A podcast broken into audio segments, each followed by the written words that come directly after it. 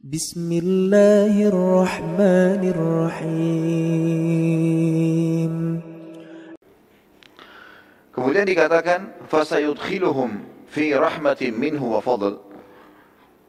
Yang artinya niscaya Allah akan memasukkan mereka ke dalam rahmat yang besar, rahmat di dunia diberikan karunia yang luar biasa dan di akhirat masuk surga dan limpahan karunia yang banyak, yakni Allah akan melimpahkan kepada mereka dengan rahmat yang khusus lalu mereka lalu memberi mereka taufik untuk melakukan kebajikan-kebajikan dan memberikan pahala kepada mereka. Allah memudahkan dia hidup, Allah yang mudah pandu dia mana baik mana buruk, Allah juga yang memudahkan dia punya energi, punya kesempatan, punya waktu untuk mengerjakan kebaikan dan mengejar apa yang telah Allah janjikan buat mereka sudah itu dikasih pahala yang sangat besar.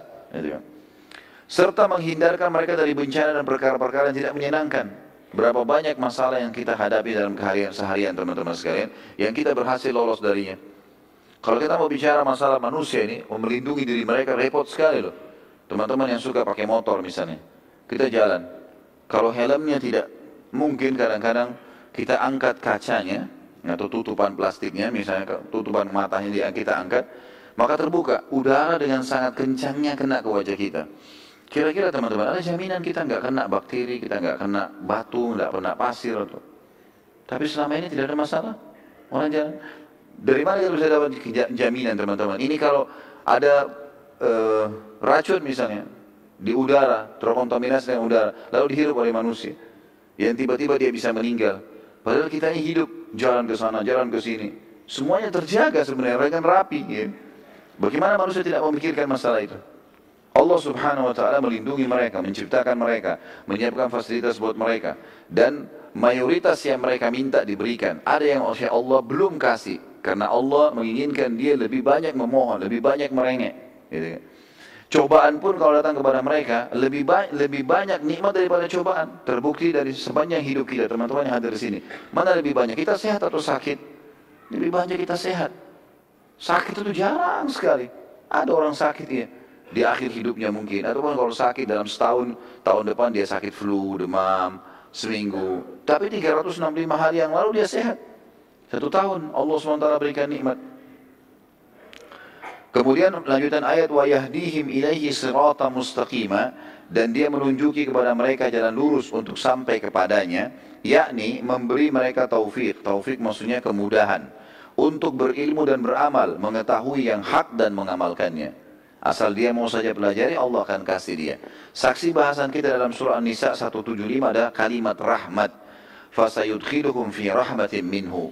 Pasti Allah akan masukkan dan karunia kepada mereka rahmatnya. Yang lain adalah surah Al-Jathiyah ayat 30. A'udzu billahi minasyaitonir rajim. Fa ammal ladzina amanu wa 'amilus solihati fayudkhiluhum rabbuhum fayudkhiluhum rabbuhum fi rahmati. Dzalika huwal fawzul mubin. Adapun orang-orang yang beriman, dan mengerjakan amal saleh, yakin Allah ada lalu dia patuh dengan perintah. Amal saleh masuk dalamnya mengerjakan perintah atau meninggalkan larangan. Karena orang juga meninggalkan larangan termasuk amal saleh. Maka Rob mereka, pencipta mereka akan memasukkan mereka ke dalam rahmatnya. Rahmat di sini, di dunia diberikan rahmat yang luas, diberikan karunia-karunia yang membahagiakan dia dan juga di akhirat masuk surga. Itulah keberuntungan yang nyata. Teman-teman sekarang kita tinggal patuh, kerjakan perintah, tinggalkan larangan. Kita nikmati saja. Tetap bisa makan, tetap bisa minum, tetap bisa segala macam, tapi lebih rapi.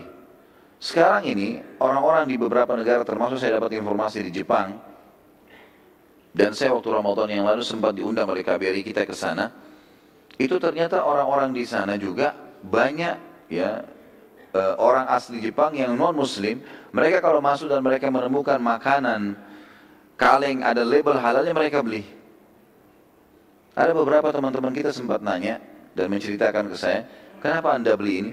Dia bilang ini lebih terjamin dengan ada label halal. Mereka tahu kalau umat Islam itu hati-hati, pekah, nggak mau makan sembarangan. Maka mereka sendiri mengatakan itu lebih terjaga. Artinya orang beriman lebih terjaga, lebih sehat, lebih baik, dikontrol, dijaga oleh langsung pencipta langit dan bumi. Seperti juga makna kalimat teman-teman sekalian, yang selalu mengembalikan kita iman kepada Allah sabda Nabi SAW kalau Allah karuniakan kalian pemimpin yang zalim dan dia memberikan kepada kalian hak kalian maka terima kasihlah pada Allah, bersyukurlah kepada Allah. Dan hak kalian yang belum kalian dapatkan darinya, mintalah langsung kepada Allah. Kalimat minta langsung kepada Allah ini pengembalian seorang muslim dan menyadari kalau raja yang sedang memimpin dia, presiden atau siapa saja, ini manusia seperti dia, kebetulan saja berkuasa. Tetapi kalau ada kebutuhan dia belum dikasih, maka dia minta langsung kepada raja yang sebenarnya Allah. Makna kalimat ini adalah kalimat yang berbobot sekali. Artinya bertauhidlah kepada Allah. Saksi bahasan kita adalah Allah kalau dia beriman dan beramal saleh akan memasukkan ke dalam rahmatnya. Juga firman Allah subhanahu wa ta'ala dalam surah Al-Hadid ayat 28 Mengimani Allah ini ya. Maksudnya Allah itu ada. أعوذ بالله من الشيطان الرجيم يا أيها الذين آمنوا اتقوا الله وآمنوا برسوله يؤتكم كفلين من رحمته ويجعل لكم نورا تمشون به ويغفر لكم والله غفور رحيم Hai orang-orang beriman Berimanlah kalian kepada Rasul yang telah diutus Bertakwalah kepada Allah Maksudnya patuh dan berimanlah kepada Rasulnya niscaya Allah memberikan rahmatnya kepadamu dua bagian atau dua, dua kali lipat dan menjadikan untuk kalian cahaya, maksudnya panduan agama, dengan cahaya yang kamu dapat berjalan eh, dengannya di atas bumi ini. Dan dia mengampuni semua kesalahan kalian dan Allah maha pengampun lagi maha penyayang. Saksi bahasan kita adalah dia akan memberikan rahmatnya dua kali lipat bagi orang yang beriman tentang keberadaan Allah. Poin kedua teman-teman sekalian mentaati Allah dan Rasulnya. Jadi setelah beriman, poin mentaati Allah dan Rasulnya. Seperti firman Allah di sini dari surah Imran Al-Imran 132. A'udzu billahi minasyaitonir rajim wa Allah wa rasula la'allakum turhamun. Dan selalu taat dengan Allah dan Rasulnya. Apa yang dikatakan Allah Rasulnya, ikuti. Yang dilarang, tinggalkan. Supaya kalian mendapatkan rahmat, artinya pasti akan datang kepada kalian karunia. Dan baginda Nabi SAW sudah tunjukkan kepada kita, para sahabat sudah tunjukkan kepada kita bagaimana mereka jadikan agama sebagai panduan hidup dan mereka bahagia. Mereka diberikan kemenangan, walaupun ada hal-hal cobaan yang datang, tapi lebih banyak rahmatnya Allah yang datang kepada mereka. Dan ternyata mereka sekarang sudah mendahului kita menuju ke akhirat. Dan janji Allah Rasul tidak mungkin salah. Al-Alama Sa'di sama tadi, Syekh Sa'di menyebutkan dalam tafsirnya, dalam firman Allah wa Allah wa Rasul dan taatilah Allah dan Rasul ialah dengan melaksanakan perintah-perintah dan menjauhi larangan-larangan. La'allakum turhamun supaya kalian mendapatkan rahmat maksudnya ketaatan kepada Allah dan ketaatan kepada Rasulnya dalam segala hal itu adalah sebab utama datangnya karunia. Juga dalam firman Allah yang lain masih dalam mentaati Allah dan Rasulnya Al-A'raf 156 A'udzu billahi minasyaitonir rajim wa rahmati wasi'at kulla syai' fasa'aktubuha lilladzina yattaquna wa yu'tuna zakah. Al-ayah. Rahmatku meliputi segala sesuatu. Aku akan kasih apa saja dalam kegiatan kalian di mana saja. Akan saya penuhi semua dengan kebutuhanku eh, dengan rahmatku kata Allah. Maka aku pasti akan berikan rahmatku untuk orang-orang yang bertakwa dan menunaikan zakat. Artinya orang yang patuh.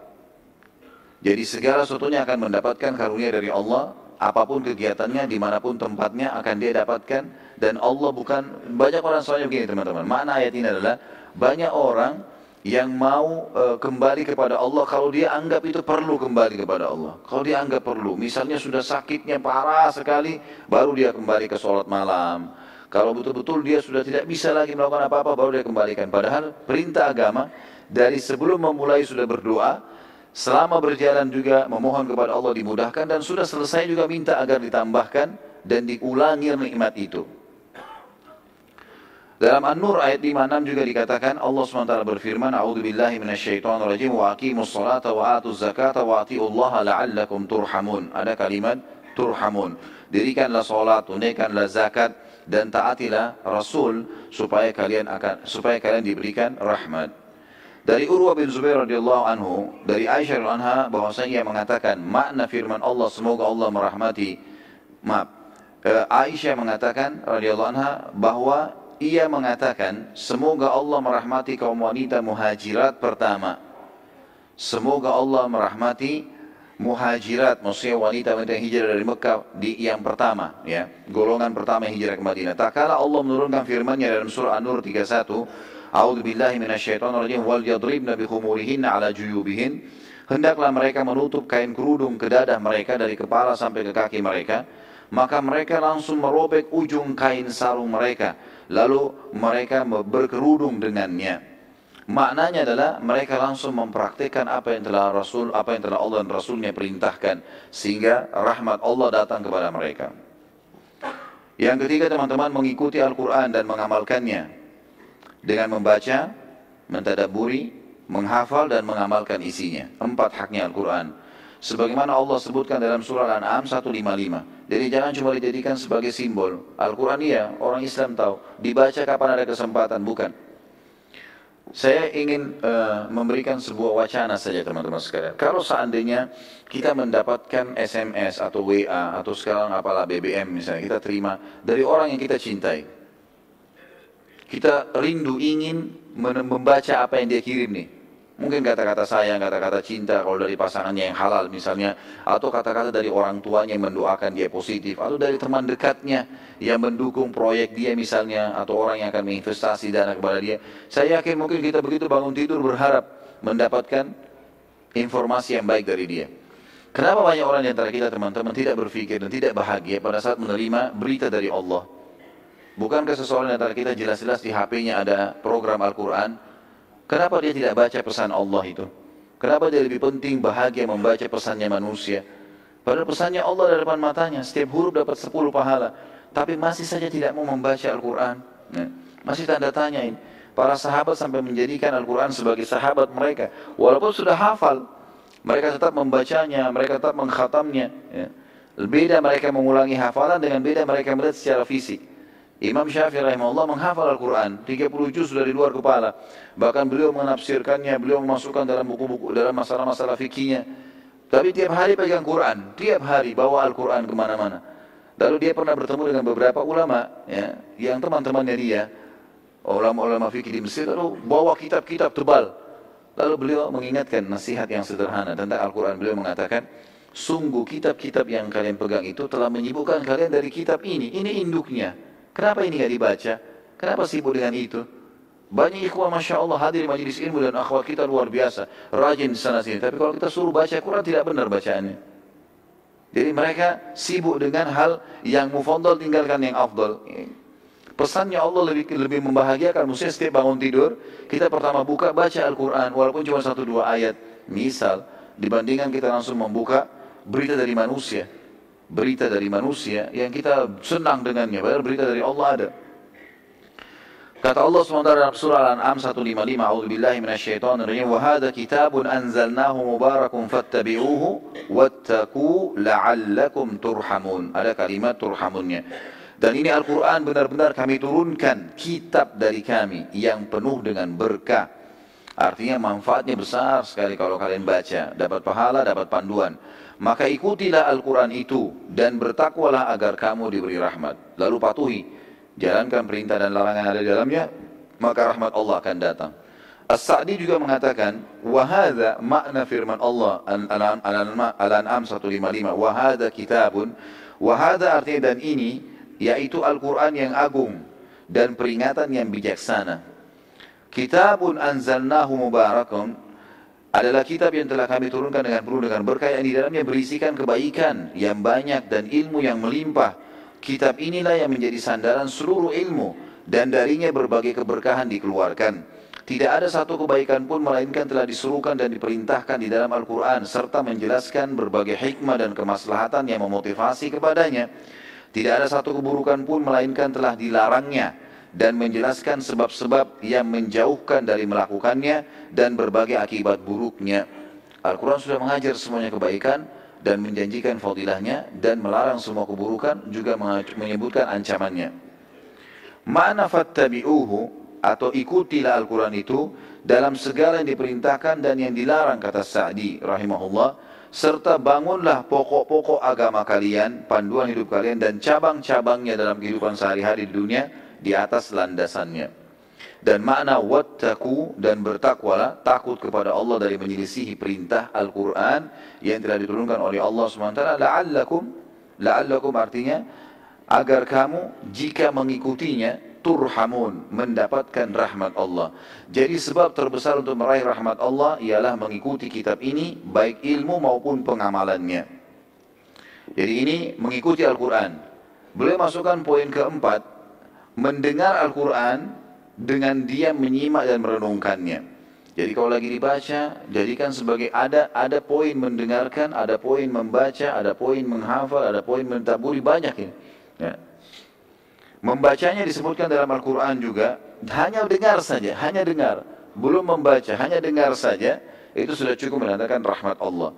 Dalam surah Al-A'raf 204 berbunyi A'udzubillahi minasyaitonirrajim wa idza quri'a al-Qur'anu fastami'u lahu wa ansitu kalimatnya akhirnya la'allakum turhamun. Apabila Quran dibacakan, maka dengarkan baik-baik, renungi artinya, perhatikanlah dengan tenang agar kamu mendapatkan rahmat. As-Sa'di juga menyebutkan perintah ini berlaku umum bagi setiap orang yang mendengarkan kitabullah dibaca, yang mana ia diperintahkan untuk diam dan mendengarkannya.